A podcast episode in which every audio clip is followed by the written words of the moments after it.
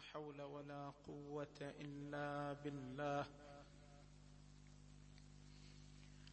العلي العظيم إنا لله وإنا إليه راجعون. صلى الله وسلم عليك سيدي ومولاي يا رسول الله.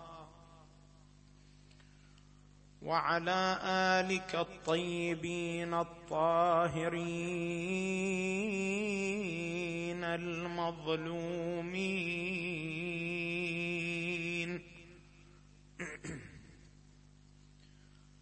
لعن الله الظالمين لكم.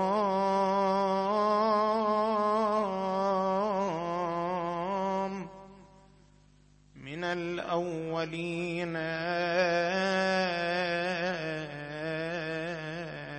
والآخرين.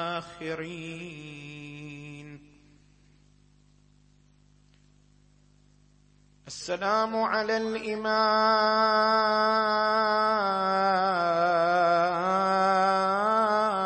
الرضا. الراضي بالقدر والقضاء.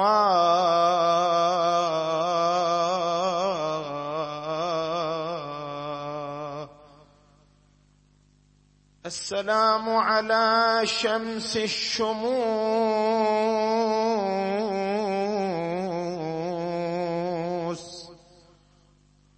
وأنيس النفوس.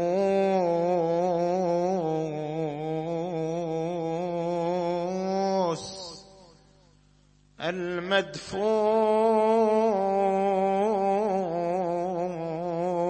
بأرض طول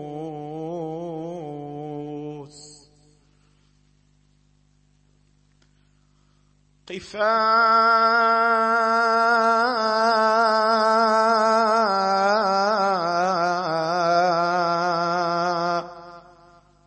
نسأل الدار التي خف أهلها. متى عهدها؟ بالصوم والصلوات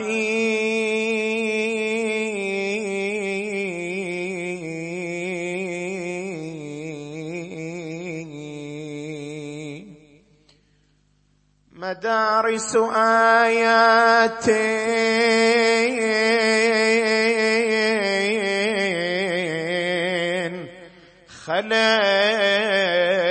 خليت من تلاوته ومنزل وحي مقفرا عرصاتي.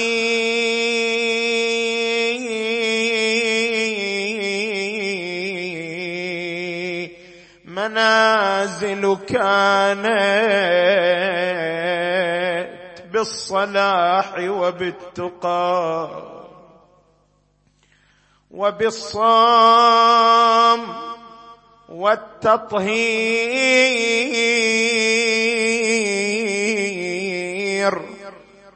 والحسنات.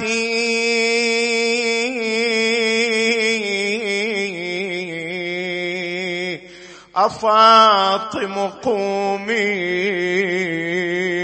يا ابنة الخير واندبي. هذه هي المعزات فيه والمثكولة فيه. أفاطم قومي.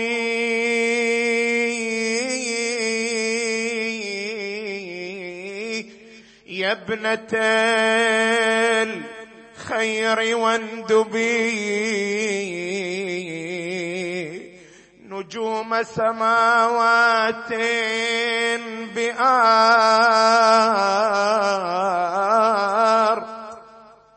فلاتي قبور بكوفان وأخرى بطيبة وأخرى بفخ نالها صلواتي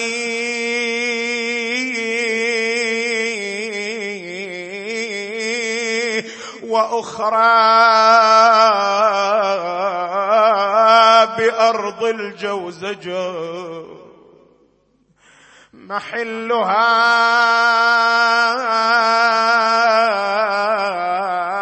محلها وأخرى ببا خمرة لدى غرباتي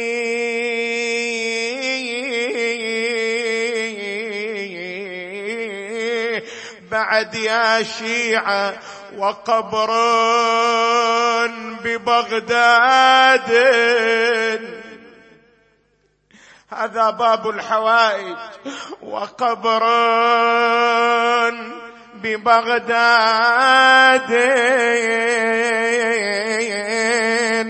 لنفس زكية.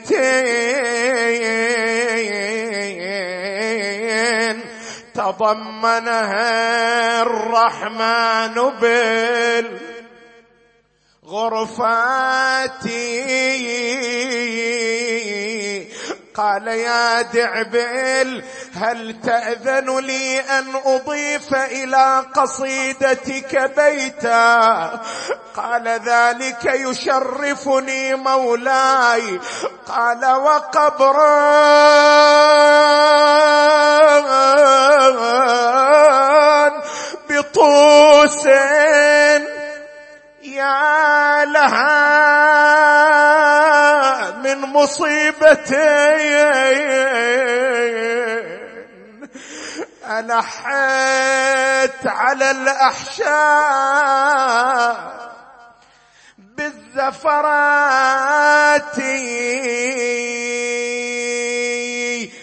بكل صباح وكل مسية. ينفقد مني ولد شردوهم بالفيافي ولا يآون ببلد خالية منهم منازلهم ولا منهم أحد. بس حرم ويتام دهوشين من عظم المصاب بعض عندي بالمدينة وبعضها مو بالبرو وبعض حصل لهم واري وبعض ما حصل قبور كم جسد بالطف عاري وراسن بخطي يدور وكم طفل مرمي بكيت حسين دامي وكم شباب. وين صوتك يا الموالي مع الزهرة ومن فعل بغداد ذابت مهجتي وقلب انفطر مهجتي باب الحوايج ضرمي على الجسام والمصيبة اللي دهتني وبطوس مخسوف البدار عنه بعيد العشيرة. وميت ببلدة جنا ويلي لا تحسبون للرضا في طوس ماجي ولا إلى بغداد ما رحت. وتعنى أنا كلهم عليهم نوحيت والجيب شقة. لكن أعظم علي لو نعناعي على حسب. إنا لله وإنا إليه راجعون.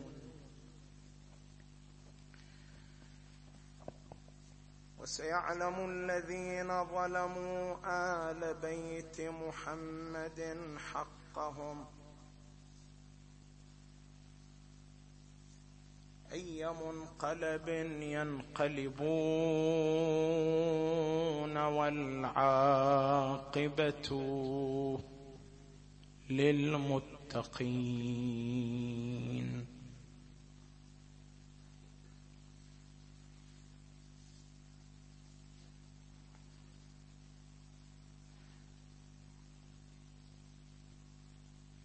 مقومات الشخصية الإسلامية في تعاليم الإمام الرضا صلوات الله وسلامه عليه.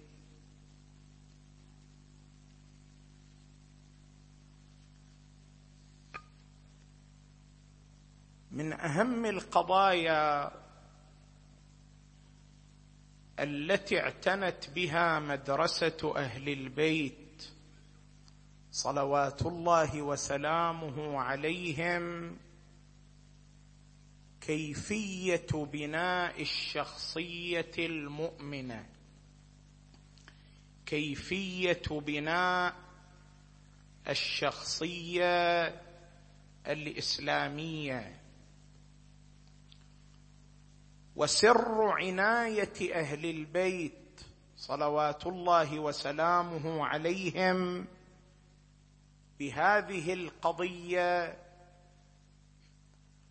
هو أن بناء المجتمع الفاضل وبناء المجتمع المؤمن وبناء المجتمع الصالح يتوقف بالضرورة على بناء شخصيات أفراده.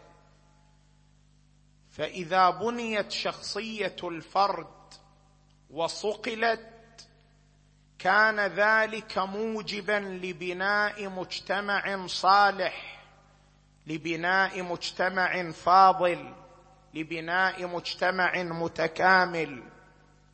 ومن هنا ركز أئمة أهل البيت صلوات الله وسلامه عليهم على كيفية بناء الشخصية الإسلامية التي يبنى من خلالها المجتمع الصالح كله.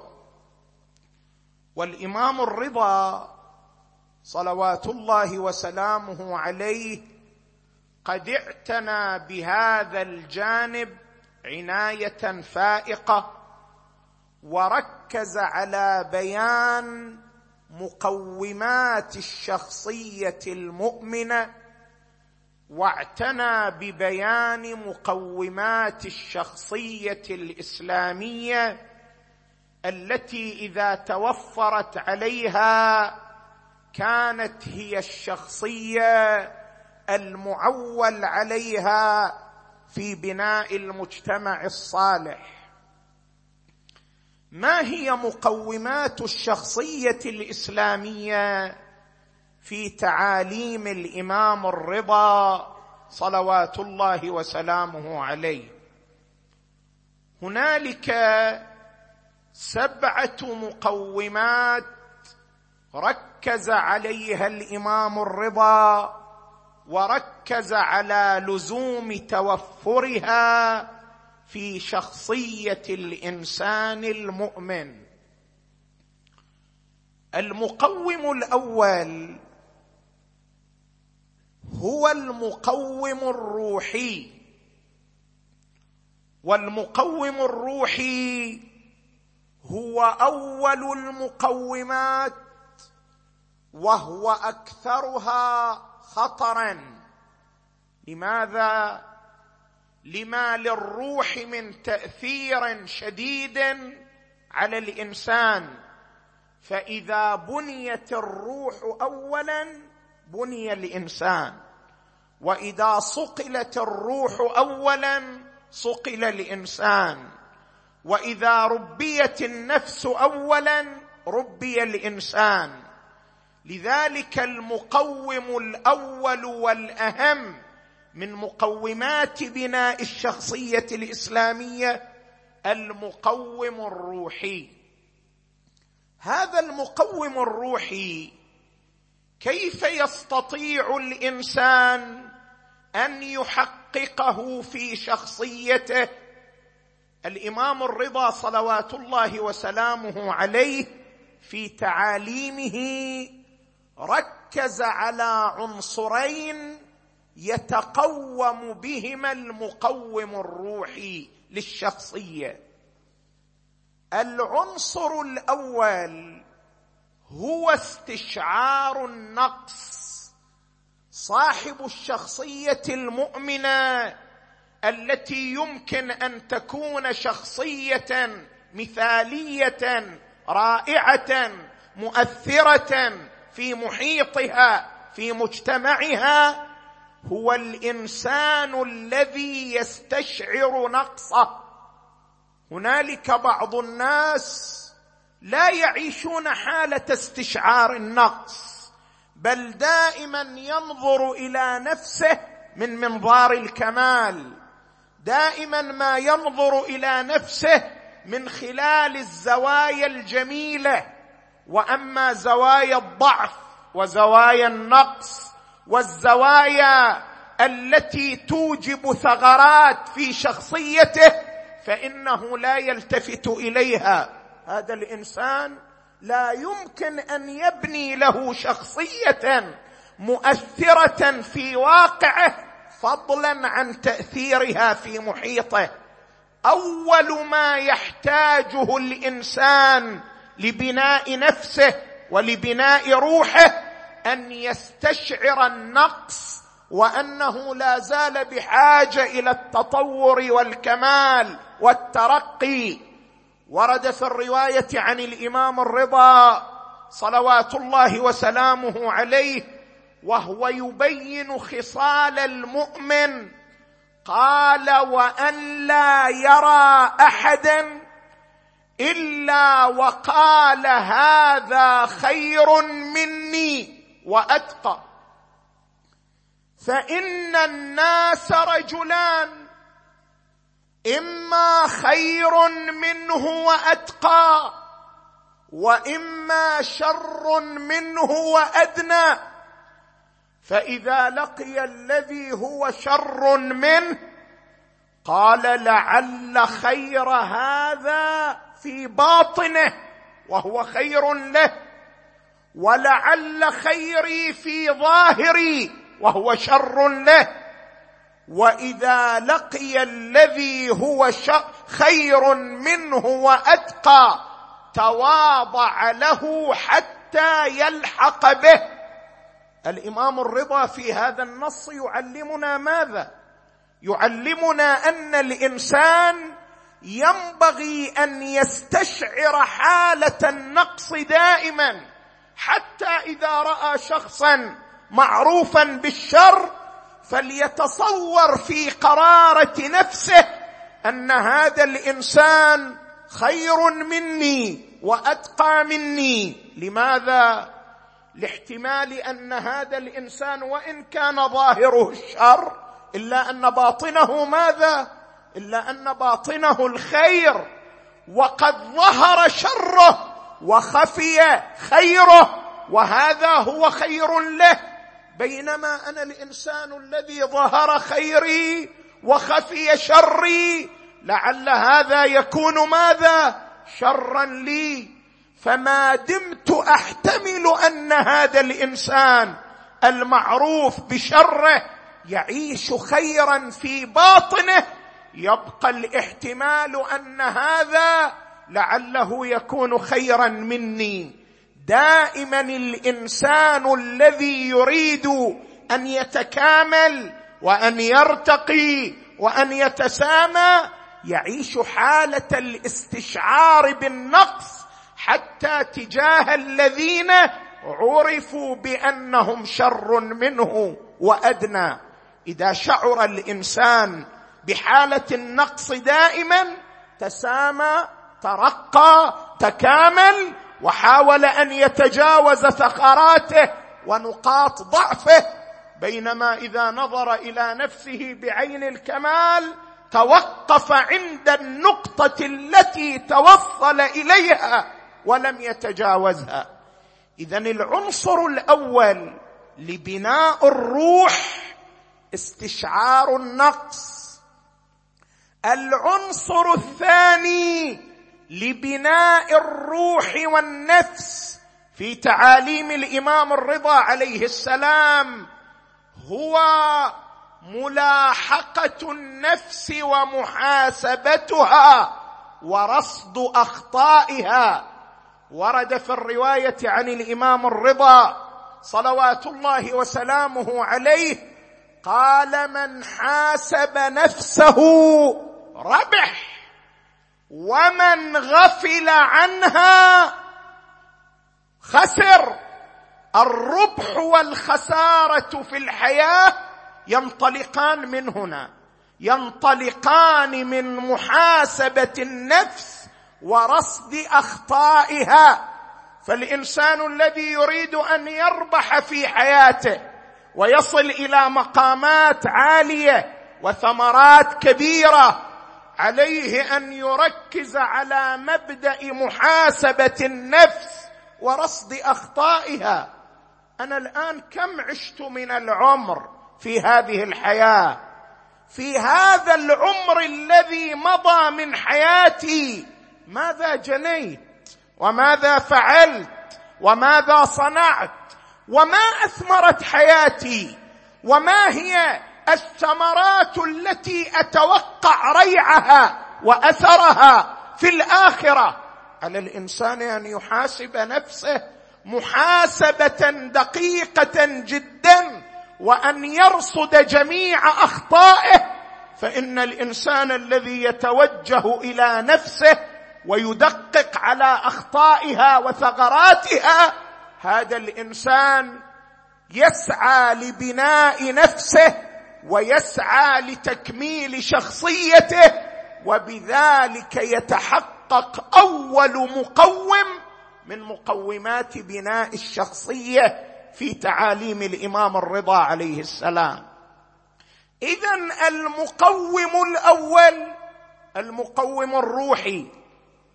المقوم الثاني المقوم الأخلاقي. ما هو المقصود من المقوم الأخلاقي؟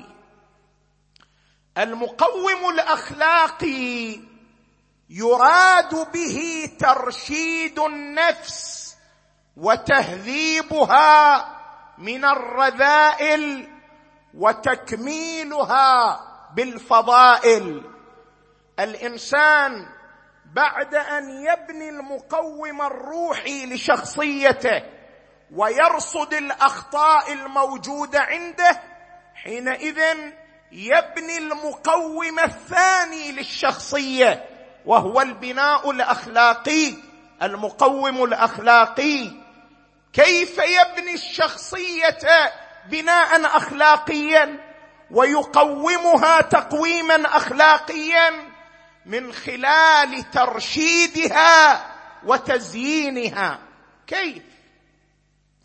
النفس أيها الأحبة تتكون من مجموعة من القوى البشرية وأهم هذه القوى قوتان مؤثرتان في حياة الإنسان وفي واقعه.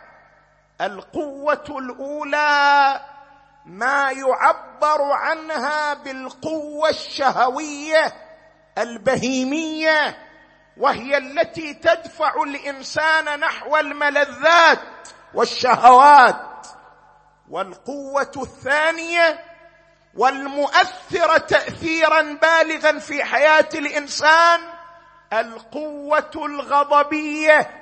والمعبر عنها بالقوة السبعية والتي تدفع الإنسان نحو دفع المضار والمخاطر وتدفعه نحو الأعمال العنيفة والأعمال الحاسمة في حياته.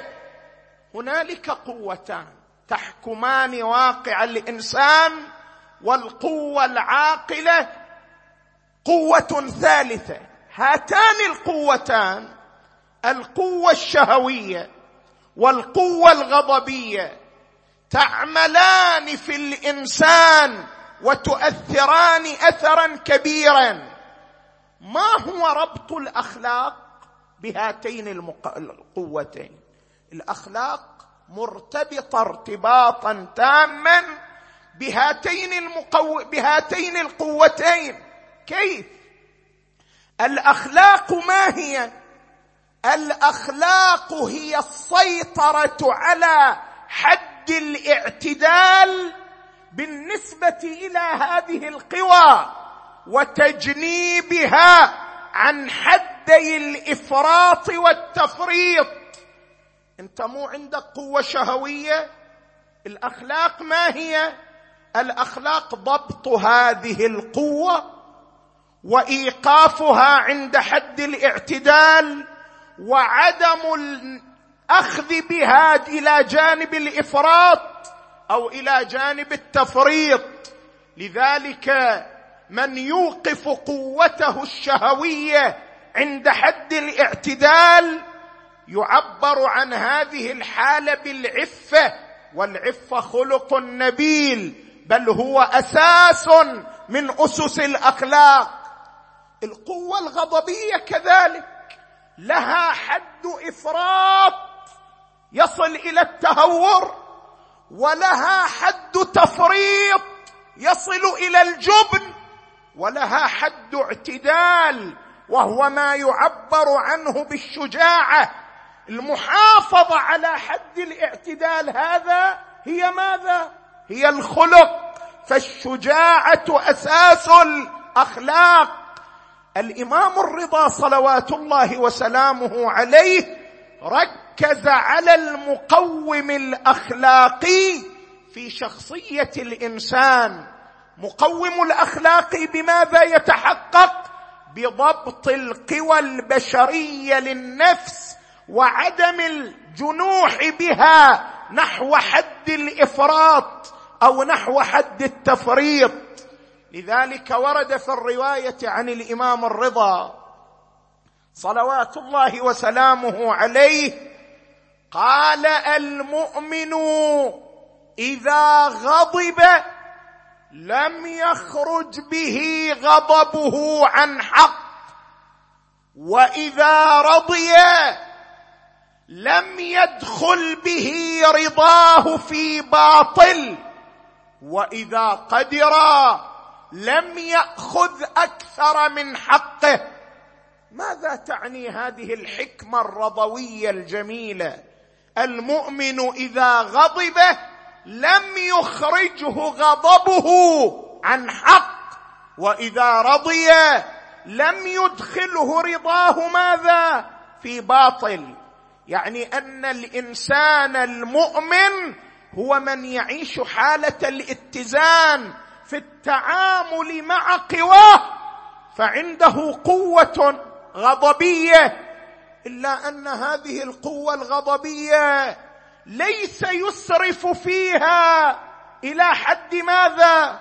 إلى حد الخروج عن الحق. وليس يتهاون فيها إلى حد الدخول ماذا؟ في الباطل. بل هو يتعامل مع هذه القوة عنده بكل اتزان وبكل احتياط. فعندما يغضب فإنه يتعامل من منطلق غضبه على طبق ما يقتضيه الموقف الشرعي وليس يتجاوز الحدود في تعامله عندما يغضب على أحد. فإذا غضب على زوجته لا يعرف للزوجة قيمة ولا اعتبارا. وإذا غضب على أولاده وصل به غضبه إلى حد التعدي عليهم وإيذائهم بالضرب والشتم والتنكيل. وإذا غضب على أحد موظفيه أخرجه غضبه عن طور التعامل الطبيعي مع ذلك الموظف المسكين. هذا الإنسان يعيش مشكلة في شخصيته. الإنسان الذي يخرجه غضبه عن الحق يعيش ضعفا في شخصيته لأنه فقد المقوم الأخلاقي. المقوم الأخلاقي للشخصية هو ضبط القوى البشرية والسيطرة عليها فلا يذهب بها إلى حد الإفراط وإلى حد التفريط كما بين ذلك الإمام الرضا صلوات الله وسلامه عليه. اذا المقوم الثاني من مقومات الشخصية المقوم الأخلاقي. المقوم الثالث من مقومات الشخصية المؤمنة بنظر الإمام الرضا عليه السلام المقوم السلوكي. ماذا يعني هذا المقوم؟ الإنسان أيها الأحبة إذا توفر على المقوم الروحي من ناحية لشخصيته وتوفر على المقوم الاخلاقي من ناحية أخرى في شخصيته هيأ ذلك الشخصية للتصرف التصرفات الحسنة ولسلوك السلوكيات المنضبطة. السلوكيات الحسنة والمنضبطة من أين تصدر؟ تصدر من النفس التي توفر فيها هذان المقومان. المقوم الروحي من ناحية والمقوم الأخلاقي من ناحية أخرى. ولكن هنالك مشكلة. تعترض بعض الناس وتعترض بعض الشخصيات وهي أنه قد يهذب نفسه ويرصد أخطاءه ويسعى للسيطرة على قواه ولكن المحيط يؤثر عليه ولكن البيئة تؤثر على سلوكه ولكن من يعيش معهم قد يؤثرون على سلوكياته في بعض الأحيان. لذلك يجي المقوم السلوكي كمقوم متمم للمقوم الاخلاقي والمقوم الروحي. شلون المقوم السلوكي؟ المقوم السلوكي حتى تتوفر عليه شخصية الإنسان يحتاج إلى عدة من الأمور المهمة في حياة الإنسان. ويحتاج إلى يقظه والتفات يعيشه الإنسان.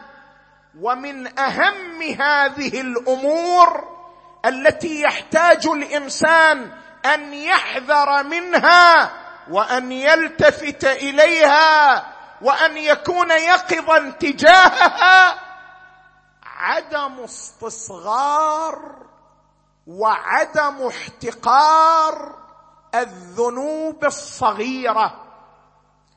هنالك بعض الأشخاص قد يبني شخصيته بناء روحيا جيدا يحاول أن يهذبها دائم المحاسبة لها يحاول أن يسيطر على قواه البشرية ولكن تكون عنده مشكلة ضعف.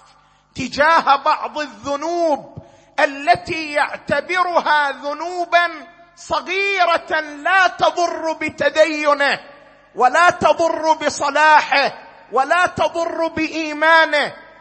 تشوف شخص عنده سمو روحي عنده جمال أخلاقي لكنه لا يتورع عن الغيبه شخص متدين إلا أنه لا يتورع عن الغيبة في المجالس يتحدث حول الآخرين ينال منهم بأسلوب أو بآخر ويعتبر أن الغيبه امرا ليس امرا شديدا وليس امرا كبيرا وليس امرا خطيرا.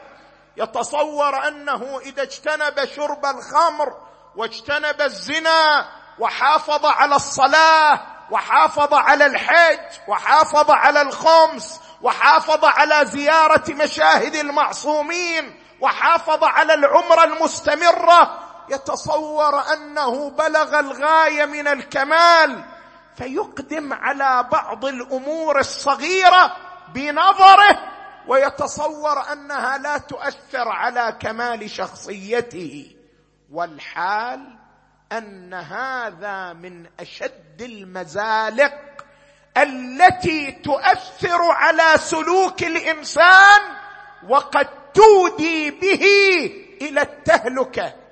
ورد في الرواية عن الإمام الرضا صلوات الله وسلامه عليه قال من لم يخف الله في القليل لم يخفه في الكثير. شنو معنى من لم يخف الله في القليل؟ لم يخفه في الكثير. الإمام الرضا في رواية أخرى يبين المقصود من كلامه هذا. يقول صغائر الذنوب طريق إلى الكبائر. الإنسان عندما لا يحذر من هذا المزلق الخطير ويرتكب بعض الذنوب الصغيرة فإن هذه الذنوب الصغيرة تجره إلى ذنوب كبيرة وتأخذه إلى معاص كبيرة. هو يتصور إذا صارت بينه وبين امرأة أجنبية علاقة من خلال وسائل الاتصال الحديثه يتصور أن هذا أمر اعتيادي. أنا ما زنيت والعياذ بالله ولا أقدمت على الفاحشه والعياذ بالله. هي مجرد علاقة صداقة بيني وبين الفتاة الأجنبية.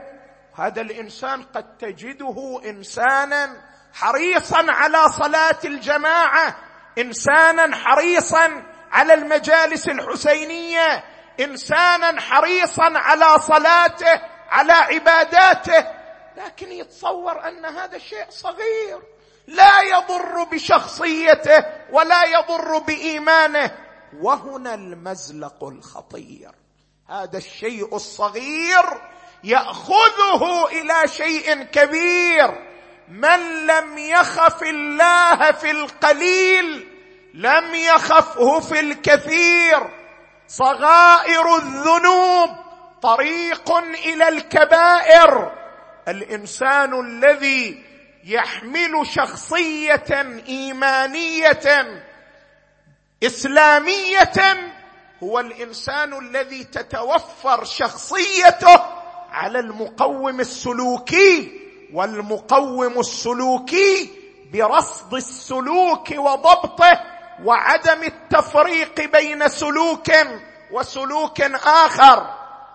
المقوم الرابع من مقومات الشخصية الإيمانية في تعاليم الإمام الرضا المقوم الثقافي.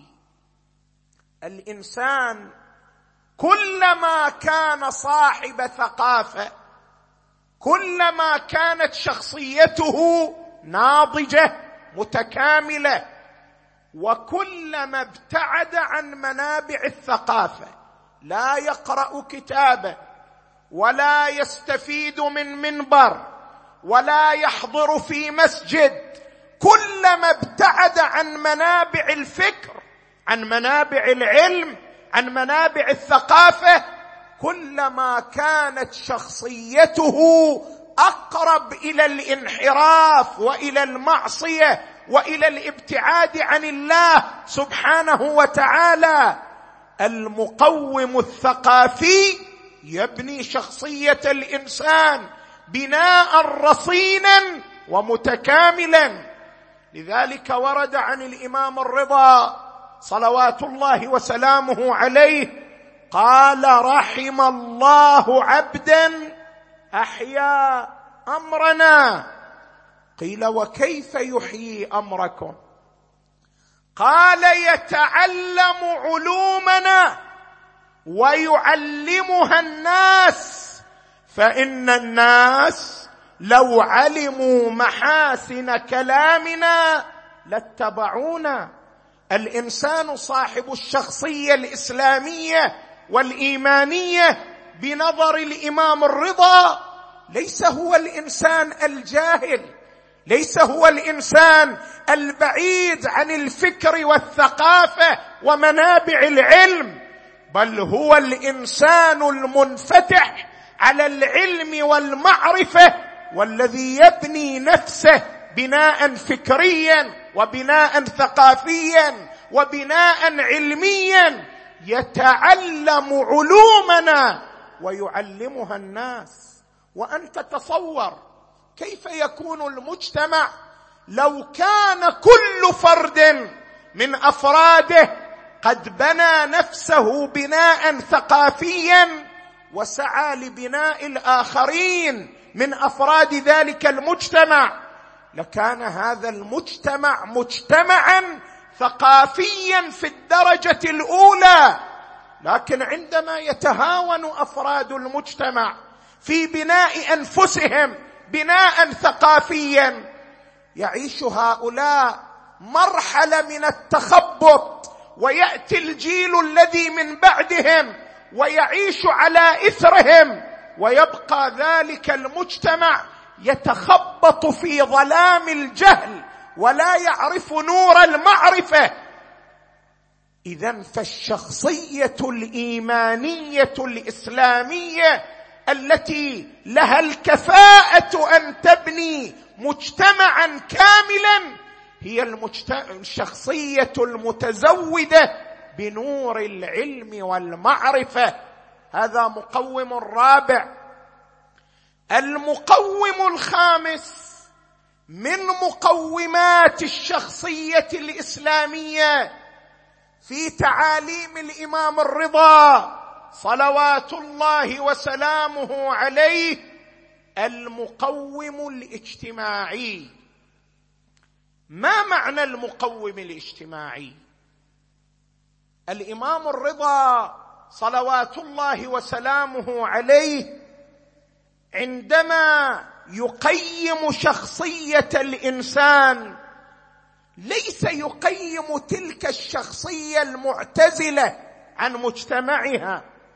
ليس يقيم تلك الشخصية المنفصلة عن مجتمعها وإنما يقيم الشخصية التي لها علاقة ماسة بمجتمعها ولها حضور وتأثير في مجتمعها. هذه الشخصية يعبر عنها بأنها شخصية إيمانية إسلامية. ما هو المقصود من المجتمع؟ المجتمع مجتمعان. مجتمع صغير وهو الأسرة ومجتمع كبير وهو هذا المجتمع الذي يعيش فيه الإنسان. والإمام الرضا ركز على علاقة الإنسان بمجتمعه كان مجتمعا صغيرا أم كان مجتمعا كبيرا؟ لما نجي إلى المجتمع الصغير شوف الإمام الرضا ماذا يتحدث عنه. يقول إن الله تعالى أمر بثلاثة مقرون بها ثلاثة.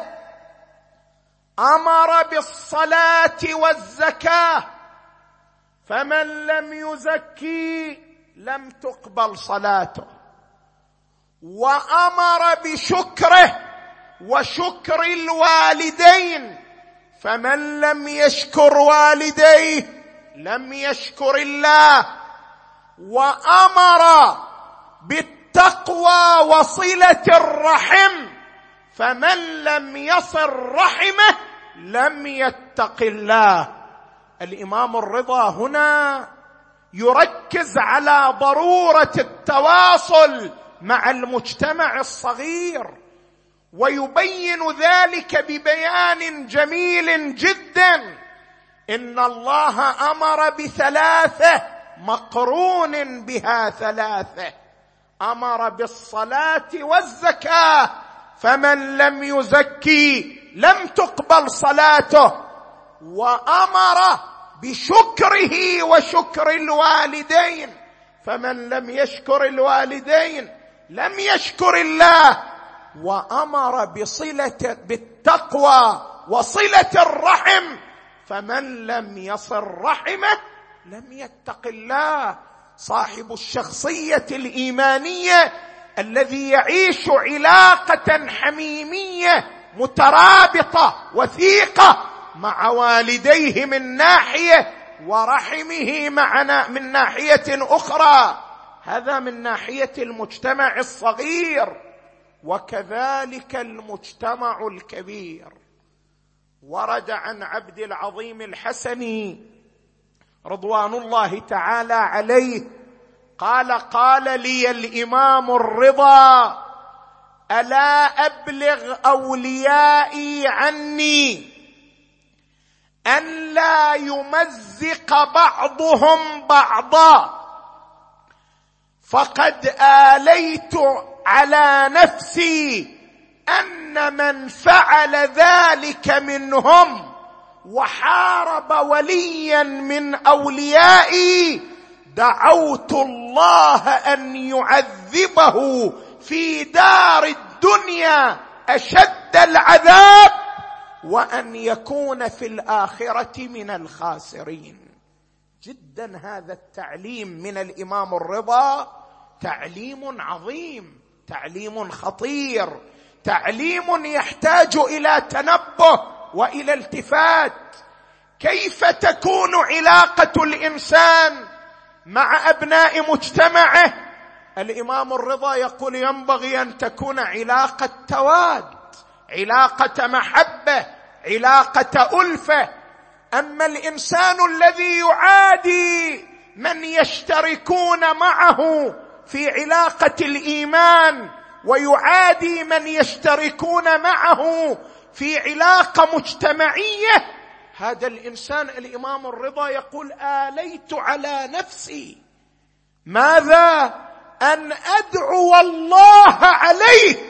أن يعذبه في الدنيا شديد العذاب وأن يكون في الآخرة من الخاسرين. الأشخاص الذين يسعون إلى تمزيق مجتمعهم وتفريق مجتمعهم وإلى عدم تلاحم مجتمعهم. هؤلاء الإمام الرضا آلى على نفسه أن يدعو عليهم بأشد العذاب. علاقة الإنسان مع المجتمع يريدها الإمام الرضا أن تكون علاقة المودة والألفة والمحبة. وقد ورد عنه صلوات الله وسلامه عليه التودد إلى الناس نصف العقل.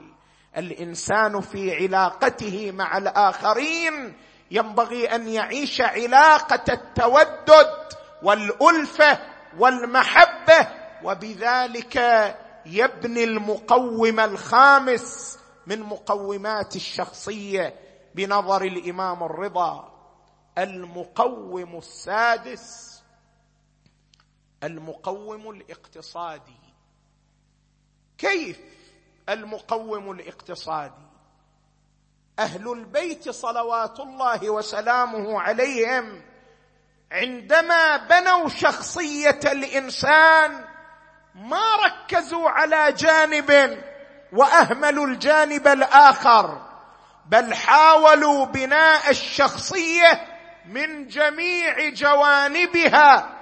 فكما اعتنوا بالجانب الروحي واعتنوا بالجانب الأخلاقي واعتنوا بالجانب السلوكي واعتنوا بالجانب الاجتماعي واعتنوا بالجانب المعرفي والثقافي.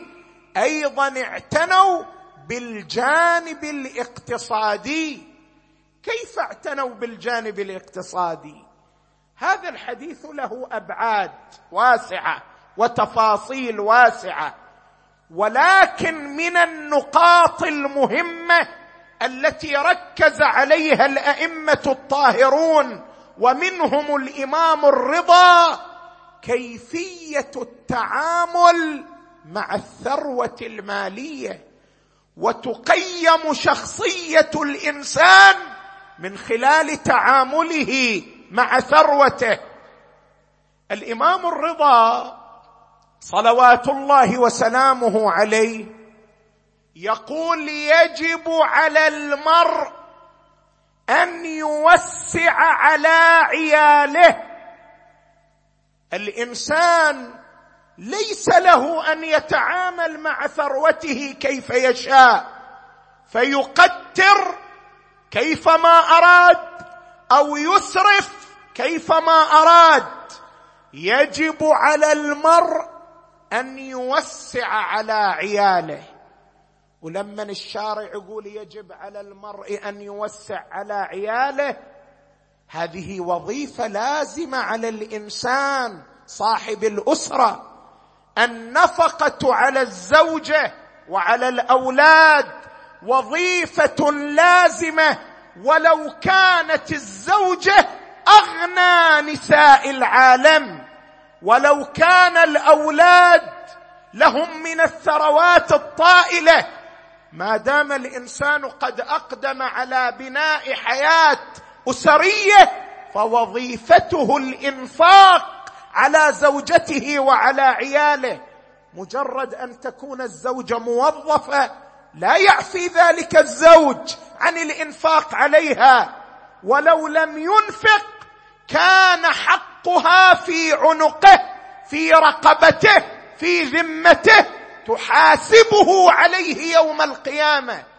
إذا كان للزوجة تستحق من الزوج مقدار خمسين ريال مئة ريال مئة وخمسين مئتين في كل شهر ولكنه قتر عليها ولم يعطها لأنها موظفة وصاحبة مال وصاحبة جاه. هذا لا يعفيه بل هو ملزم شرعا ولو حرمها من ريال واحد تستحقه كان معاقبا على ذلك وتبقى تلك الأموال في ذمته ما لم تتنازل الزوجة عنها. الثروه المالية عند الإنسان ليس براحته يقتر فيها أو ينفق فيها كما يشاء. يجب على المرء أن يوسع على عياله. لكن هذه التوسعة بأي مقدار؟ هكذا حدود مفتوحة؟ لا. ورد في الرواية الأخرى عن الإمام الرضا عليه السلام قال أحسنوا جوار النعم فإنها وحشية ما نأت عن قوم فعادت إليهم. جدا هذه الرواية مخيفة. أحسنوا جوار النعم. فإنها وحشية. شايف كيف الحيوان الوحشي إذا هرب من الإنسان لم يمكن السيطرة عليه بخلاف الحيوان الأليف. الإمام يشبه النعم هكذا. يقول أحسنوا جوارها. لا تسرفوا فيها. لا تتلاعبوا بها. أحسنوا جوار النعم فإنها وحشية ما نأت عن قوم. يعني ما ذهبت فعادت إليهم أبدا. اذا الإنسان كما تحتاج شخصيته إلى مقوم ثقافي روحي سلوكي تحتاج شخصيته أيضا إلى مقوم اقتصادي. المقوم السابع والأخير من مقومات الشخصية التي ركز عليها الإمام الرضا المقوم العاطفي. العواطف جزء من الإنسان ولها تأثير بالغ على حياة الإنسان. العواطف لها تأثير خطير على حياة الإنسان. ولذلك الشارع المقدس حاول أن يهذبها وأن يسيطر عليها سواء كانت عواطف المودة أم كانت عواطف العداء. الإنسان عنده عواطف مودة وعنده عواطف عداء.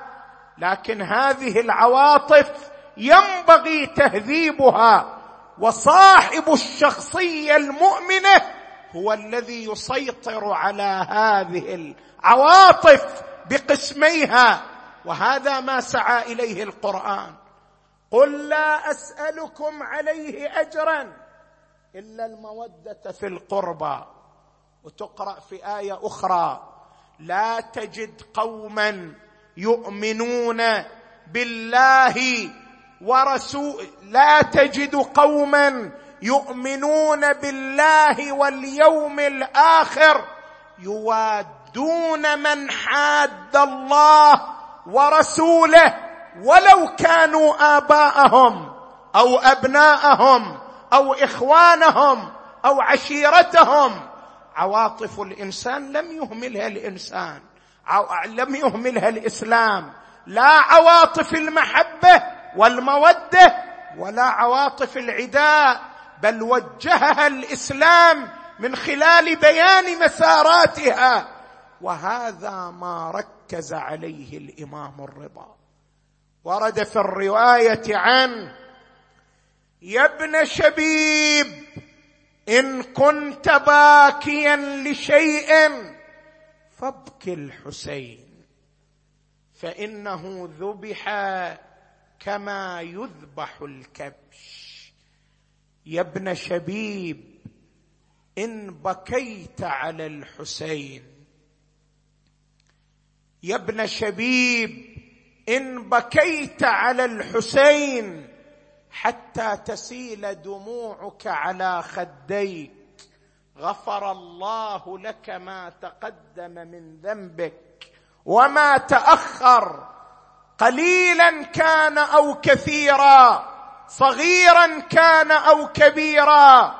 يا ابن شبيب إن سرك أن تلقى الله وهو راض عنك. فزر الحسين.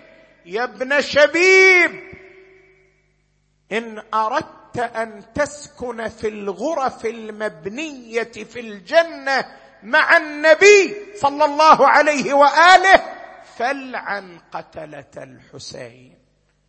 هنا الإمام الرضا صلوات الله وسلامه عليه يركز على أن شخصية الإنسان المؤمن ينبغي أن تكون شخصية متكاملة فليس يكفي تهذيبها روحيا. وليس يكفي تحليتها بفضائل الأخلاق وليس يكفي تنميتها ثقافيا بل ينبغي أن تكون هذه الشخصية مفعمة العواطف مع الحسين عليه السلام. فعواطف المودة والمحبة يصرفها الإنسان في سبيل الحسين وعواطف العداء يستثمرها في عداء أعداء الحسين. هذا العنصر الذي يحتاجه الإنسان من خلال التواجد في المجالس الحسينية ومن خلال التفاعل مع الشعائر الحسينية ومن خلال التفاعل مع مصائب الحسين. وهو ما كان يطبقه الإمام الرضا في حياته. لذلك ورد في الرواية عنه إن يوم الحسين. أقرح جفوننا وأسبل دموعنا وأذل عزيزنا وأورثنا الكرب والبلاء إلى يوم الانقضاء. وكان الإمام صلوات الله وسلامه عليه يثير مأساة الحسين. المرة تلو الأخرى. يدخل عليه دعبل الخزاعي يقول للإمام الرضا يا دعبل رحم الله أباك. لقد كان شاعرا. هلا أنشدتنا شعرا في الحسين? وقوم دعبل ينشد القصيدة التائية. يقول للإمام توقف يا دعبل ويقوم بأبي وأمي وينصب الستر بينه وبين النساء حتى النساء أيضا يتفاعلن مع مأساة الحسين صلوات الله وسلامه عليه ويستمر الإمام الرضا في تأجيج مأساة الحسين التي تلهب العواطف وتنمي الجانب العاطفي في شخصية الإنسان. إلى آخر لحظات حياته. أنت ما تقرأ في زيارة الإمام الرضا المعروفة بالزيارة الجوادية. تقرأ في زيارة الإمام الرضا هذا المقطع. السلام على الإمام الرؤوف. السلام على من هيج أحزان يوم الطفوف شلون هيج أحزان يوم الطفوف أبين لك بعد ذلك؟ شلون الإمام في آخر اللحظات كان يربط نفسه بمصيبة الحسين عليه السلام وهو على فراش الموت. بعد أن جرعه المأمون العباسي سما نقيعا والإمام كان يترقب. يترقب ذلك. لذلك التفت إلى أبي الصلت الهروي وقال له يا أبا الصلت إني داخل على هذا الطاغية فإن خرجت منه وأنا مكشوف الرأس فكلمني وإن خرجت منه وأنا مغطى الرأس. فلا تكلمني فأنا مشغول بنفسي. ها شيعة إمامكم الرضا إمام غريب. ليس معه أحد من شيعته ليس معه أحد من أهل بيته إلا بعض القلة من الشيعة. ويدخل ذلك الغريب على المأمون العباسي.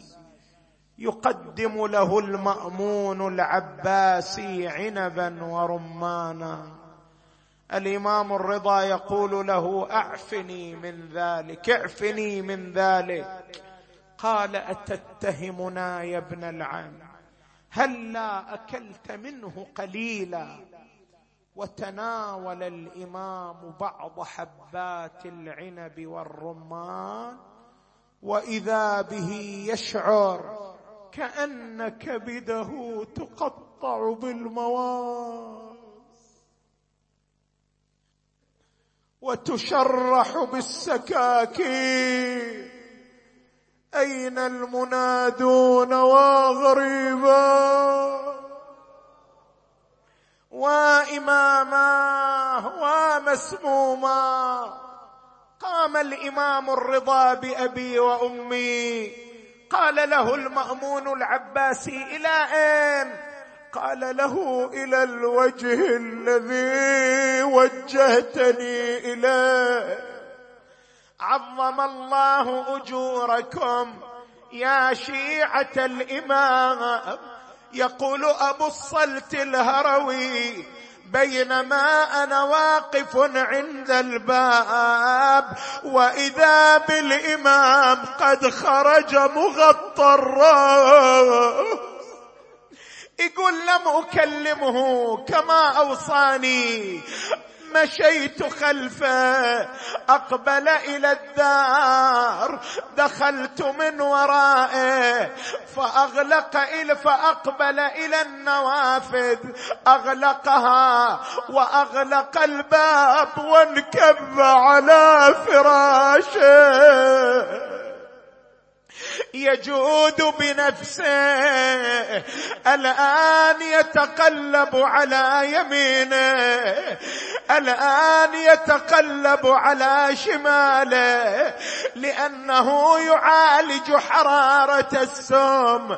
المعذرة شيعه يقول أبو الصلت الهروي فبينما أنا بجانبه وإذا بغلامين بهي الطلعة قد دخل علينا. يقول أبو الصلت قلت أيها الغلام من الذي أدخلك الدار والأبواب مغلقة؟ شلون دخلت إلى الدار؟ قال الذي أدخلني الدار والأبواب مغلقة هو الذي جاء بي من أرض المدينة. إلى أرض خراسان. هذه الساعة يقول أبو الصلت فتح الإمام الرضا عينه. نظر إليه قال يا أبا الصلت هذا إمامك المعزى محمد الجواد. هذا صاحب العزاء هذا صاحب المصيبة. يقول أبو الصلت فأقبل الإمام الجواد إلى ابيه لما رآه الإمام الرضا فتح يديه. ضم الإمام الجواد إلى صدره. أمام مناد وإماما. وسيداه ومصيبتاه الآن التفت الإمام الرضا إلى الإمام الجواد أوصاه بوصاياه أودعه مواريث الرسل والأنبياء والأئمة ثم أوصاه بوصية. شنو هالوصية شيعة؟ هي هذه اللي أشارت إليها الزيارة. السلام على الإمام الرؤوف. السلام على من هيج أحزان يوم الطفوف. شنو الوصية؟ قال له بني بني أنزلني من على فراشي وخذ بيدي إلى صحن الدار. أمسك الإمام الجواد بيد والده أقبل به إلى صحن الدار. تقول الرواية افترش الإمام الرضا التراب. قال له الإمام الجواد ابا لم فعلت ذلك؟ قال بني بني أريد أن أواسي جدي الحسين.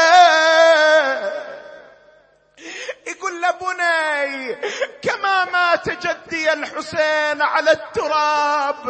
أنا أريد أن أواسي جدي الحسين وأموت على التراب. لكن المعذرة مولاي سيدي أنا أريد أقول شيء في نفسي. مولاي أقول إنت أردت أن تواسي جدك ها؟ فمن مت على التراب ولكن جدك الحسين ما مات مات على التراب حتى صار يفحص برجليه. في التراب من شدة العطش سیدی یا أبا الجواد أنت ولدك الجواد سقاك الماء قبل الموت ولكن جدك الحسين يقول علي بن طعان المحاربي يقول رأيته يؤن أنينا يقطع القلوب. ماذا صنعت؟ يقول علي بن طعان المعذرة شيعة صرت أجمع الحصى والحجارة وأرمي الحسين على جسده. يقول إلى أن هدأ أنينا خفت صوته. يقول رأيت شفتيه تتحركان. أقبلت إليه. شنو الحسين يقول؟ أخشى أن الحسين يدعو علينا. وإذا به يقول وحق جدي رسول الله. أنا عطشان. اسقوني قطرة من الماء. يا أبا الجواد سقوك الماء ولكن جدك الحسين ماذا صنعوا به؟ يقول علي بن طعان رق قلبي لحاله ذهبت إلى المشرعة ملأت القربة ماء ما رجعت إلا ورأس الحسين.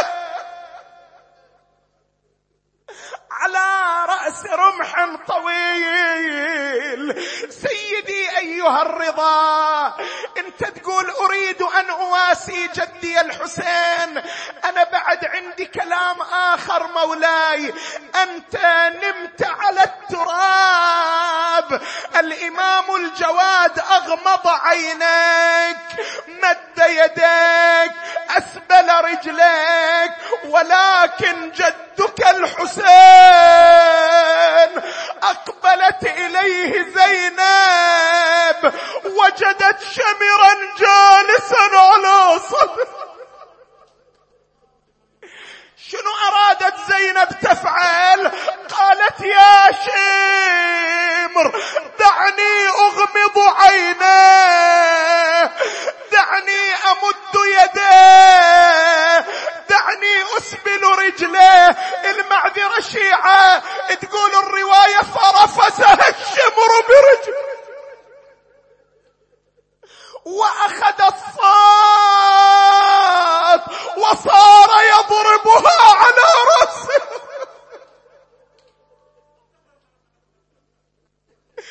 تقول يا شمر بالله دخل وما شافه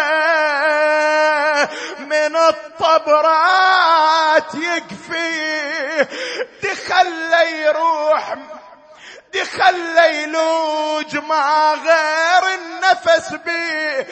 المعذرة يا مولاي يا أبا الجواد أنت الإمام الجواد. مد يديك أغمض عينيك أسبل رجليك ولكن الحسين قطعوا يديه. عظم الله أجوركم. أنزله الإمام الجواد. تمدد الإمام الرضا على التراب. توجه ناحية كربلاء. وإحنا بعد نتوجه ويا الزوار. ويا الإمام الرضا. السلام عليه يا أبا عبد الله بينما هو يسلم وإذا به قد عرق جبينا سكن انينا انقطع نفسه تدلت رقبته وفاضت روحه. أين الصارخون وإماما؟ نادى الإمام الجواد وأبتا صرخت الملائكة وعلي. وأصبح الطوس بزلازل. والخلاق كلها بعوين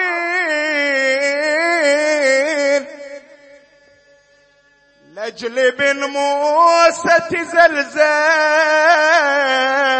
يا خلق عرش الجلي والأعلام السودنة شراها ومدامعهم تسيل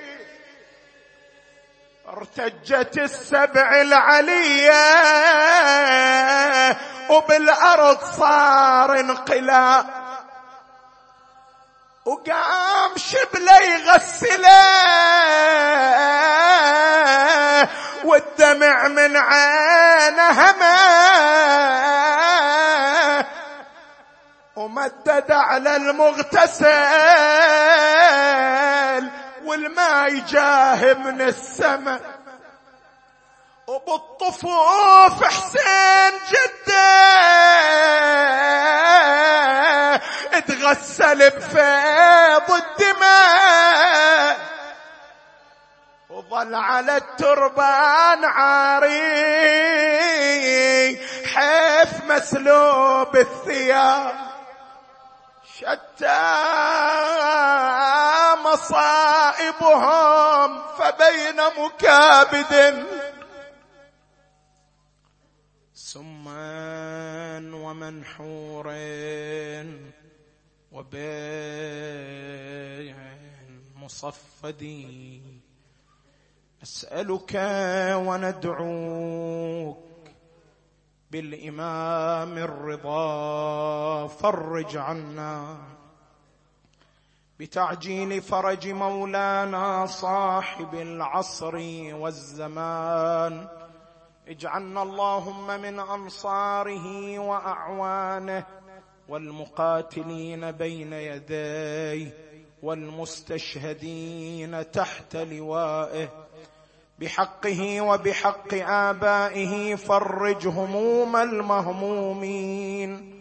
واقض حوائج المحتاجين وشافي مرضى المؤمنات والمؤمنين واحفظ مراجع الدين والعلماء العاملين واجعل هذا البلد آمنا مستقرا وسائر بلاد المسلمين اللهم احفظ زوار أبي عبد الله الحسين وأرجعهم إلى مساكنهم وأوطانهم سالمين غانمين ورد كيد أعدائهم إلى نحورهم يا رب العالمين بحق محمد وآله الطاهرين وإلى موتى العلماء الأعلام والمؤسسين والحاضرين وموتانا